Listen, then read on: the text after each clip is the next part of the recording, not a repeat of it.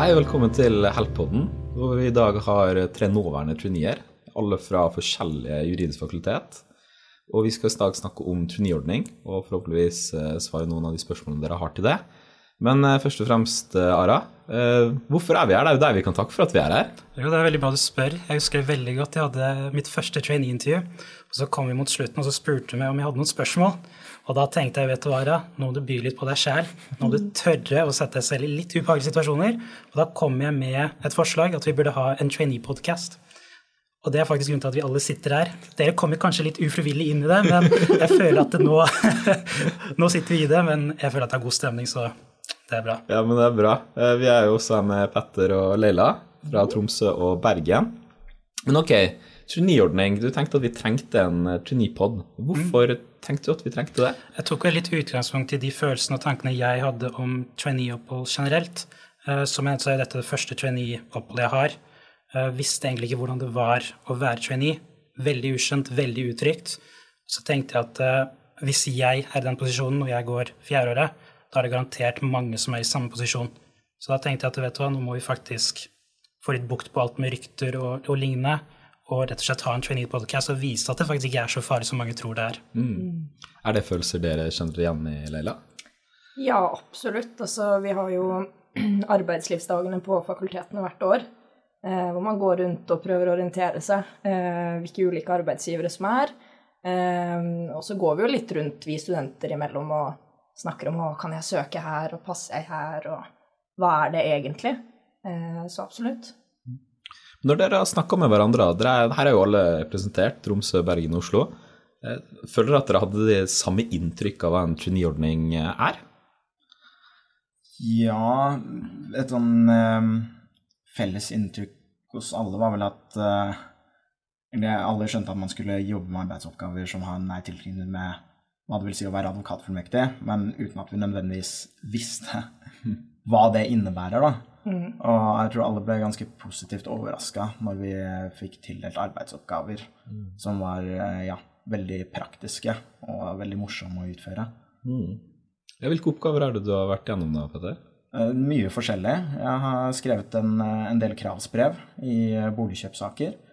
Og så har jeg også skrevet eh, en samboerkontrakt, et testament, og skrevet stevning i en rekke saker.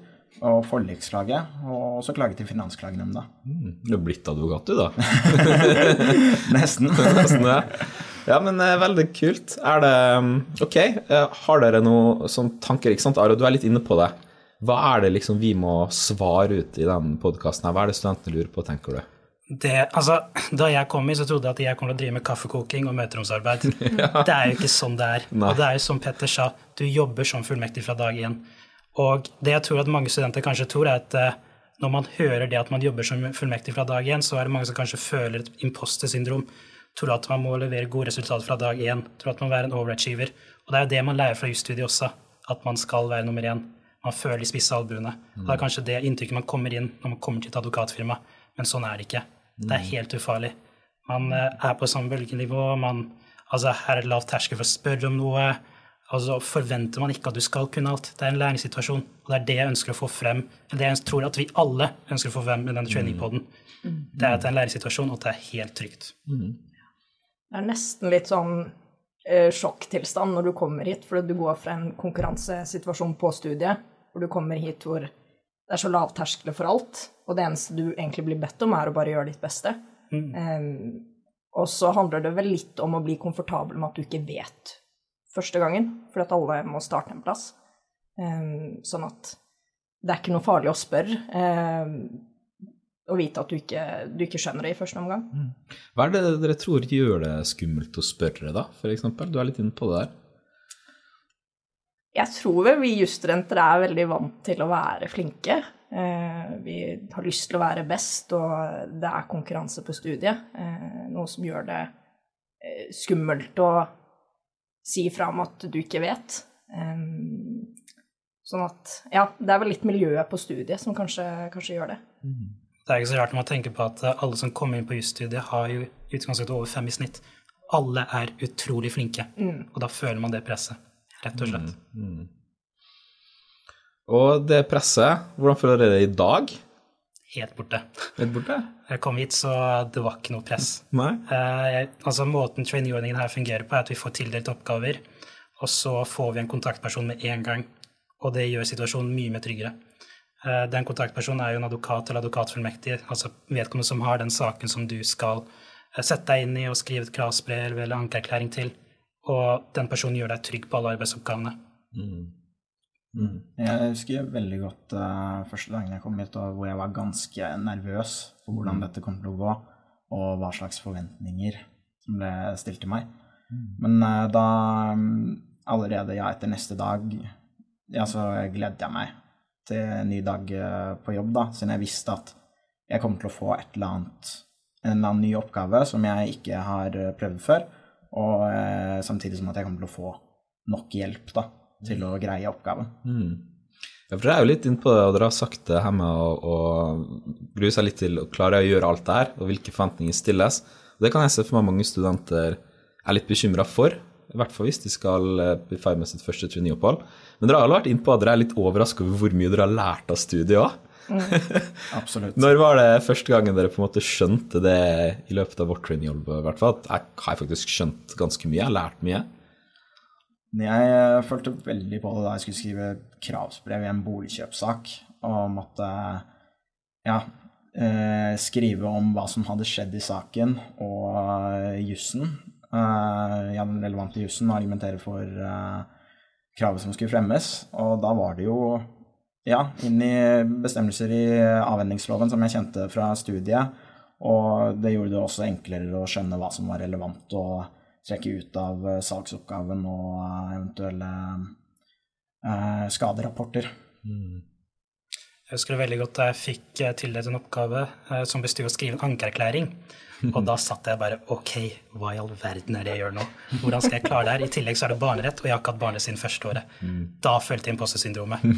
Men jeg fikk først og fremst god hjelp. Men det er jo som du sa, altså vi lærer jo juridisk metode. Det er jo det som er fokuset og hovedmålet ved jusstudiet. Det er den juridiske metoden.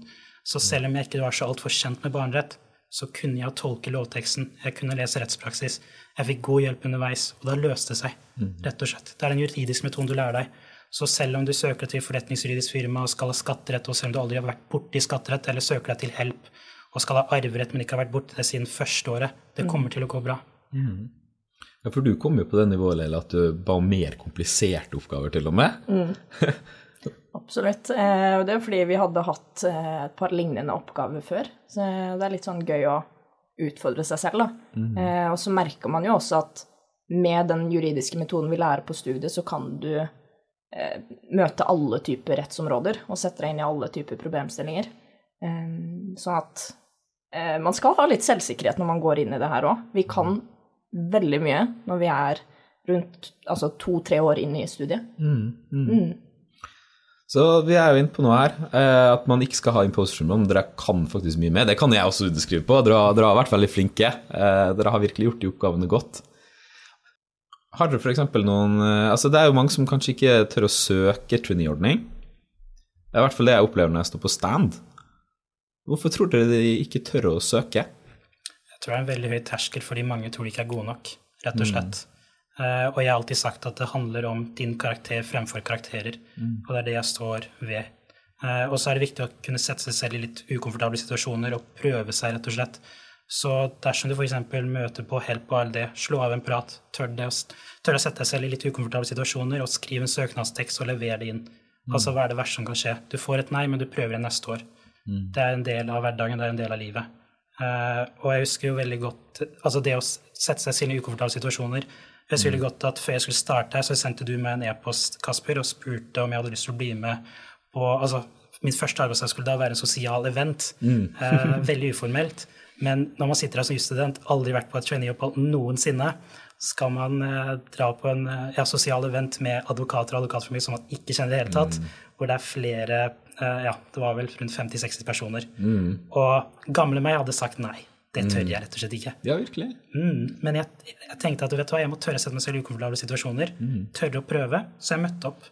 Det er det beste jeg har gjort. ja, ikke sant? Det var en veldig uformell start på dagen. Jeg ble kjent med mange hyggelige personer. Og da jeg kom hit på min første faktiske arbeidsdag, så var det mye lettere. Da kjente jeg mange fra før av. Så det, er- det er det jeg vil mm. Jeg tok deg inn mot midten der og introduserte deg til alle sammen, så måtte du vel si litt om deg selv òg. Ja, ja. Du, ja, det måtte jeg. Det så veldig godt. Jeg måtte snakke for alle sammen, men det elsket jeg. Og hadde gjort det igjen, for å si det sånn. Ja, nei, men det er veldig bra. Fordi altså, turnéopphold det er jo ikke, det er ikke bare jobb også. Har dere, hvordan har det sosiale vært? Veldig, veldig bra. Jeg merker jo eh, altså bare når vi sitter, eh, for vi sitter jo i åpent landskap, eh, vi tre i andre etasje på huset, og folk kommer forbi og slår av en prat når de kan, og har blitt invitert til masse sosiale ting som har skjedd i løpet av ukene. Det har vært bursdager, som dere feirer hele tida. Det er veldig gøy. Mm.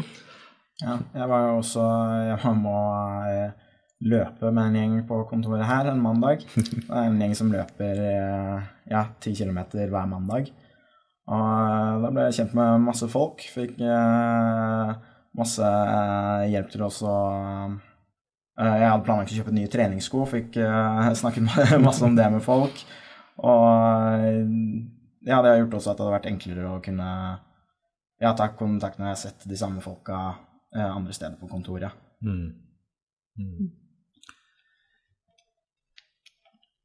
Det som også er veldig eh, kult i Help, er at vi får tildelt to faddere eh, når vi er her, og det gjør det litt mer eh, lavterskel å komme bort til spesielt de, da. Eh, når enn det skulle være noe. Så har de tatt oss med på bordtennis og shuffleboard, som de har her. Så det har også vært veldig gøy å gjøre i pausene. Så ikke minst, jeg føler også det er veldig lett å, for eksempel når vi drar til kantina, bare oss tre, og bare finne seg et bord sammen med alle andre. Det er så lett å bare sette seg ned. Alle er så velkomne. Altså, man, føler, altså, man føler seg veldig bra. Så mm. Så bra. Men dere har også fått et innblikk i, i rettssaker. Dere var i retten i går. Dere var i retten i går. Hvordan høres det ut? Hvordan eh, Har dere vært i retten før? Eh, ja, jeg har vært med på to rettssaker før. Jeg har fulgt med. Eh, da, det som var annerledes nå, var jo at vi fikk satt oss inn i saksdokumentene før vi kom dit. Eh, noe som gjør at du får et litt bedre utbytte av å faktisk sitte der. Um, og så er det jo veldig interessant å følge med på um, advokaten, altså hvordan de legger opp hele prosedyren og et innledningsforedrag. Um, men også vitneutspørring og hvordan de tilpasser prosedyren etter det. Um, så veldig kult å ja, følge med på hvordan de var med klient under hele dagen også. For meg var det kanskje det mest spennende å se hvordan jussen faktisk fungerte i det praktiske liv. Altså, I hvert fall i Oslo så er jussen veldig teoretisk. Man sitter og leser veldig mye, det er lite snakking. Eh, Så da jeg kom hit, så ble jeg veldig overraska, først og fremst basert på arbeidsoppgavene. Å kunne skrive en forliksklage, altså det har jeg aldri vært borti det på jussen. Og det å faktisk få være med i en rettssak og faktisk følge med på hvordan ting fungerte rent praktisk, det var utrolig spennende. Jeg liker å tenke på rettssaker liksom et sånt jusstudium eh, mini. Altså I en rettssak så er du gjennom alt det jusstudiet skal lære deg. Klargjøring av faktum, finne rettskildene, tolke rettskildene, bruke dem, fremføre dem for en dommer om hvorfor de skal høre på deg, og så senere få dommen og analysere den. Så det er en veldig god erfaring å ha, ha fulgt med på det. Men eh, hvis vi skal begynne å gå litt sånn mot slutten her, og dere skulle kanskje delt noen tips, hva, hva tenker dere, hvilke tips er det dere vil gitt eh, studentene som hører på nå? Um, Jeg tror jeg Jeg har vel egentlig vært inni det ganske ofte nå. Jeg tror at det tipset jeg hadde gitt, er rett og slett tørre å være litt mer ukomfortable situasjoner. Tørre å sende en ekstra søknad til et firma du kanskje tror du ikke oppnår, eller kommer til å få plass. Rett og bare tørre å gjøre det. Eh, og det har fungert veldig bra for meg. Jeg trodde ikke at jeg kunne komme inn i hjelp, men jeg turte å sende en søknad. Jeg turte å stille opp på intervju, og jeg turte å stille opp på den sosiale eventen. Angrer ikke et eneste sekund. Så det er mitt største tips til de som ser på nå. Mitt uh, tips er nok å uh, Jo, hvis du, sø hvis du har lyst til å jobbe et sted, eller du synes en arbeidsplass virker interessant, ta oss og send inn en søknad, og ikke diskvalifiser deg selv før arbeidsgiver eventuelt har gjort det. Siden man eh, vet aldri. Jeg var eh, holdt på å ikke sende inn søknad her, og er veldig glad for at jeg eh, likevel gjorde det.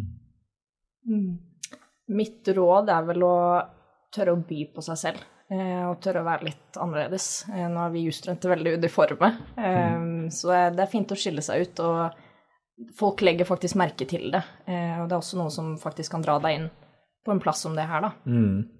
Altså Hvis jeg skal dele et tips selv, det blir veldig mye fokus på hva si, studentene tilbyr firmaene.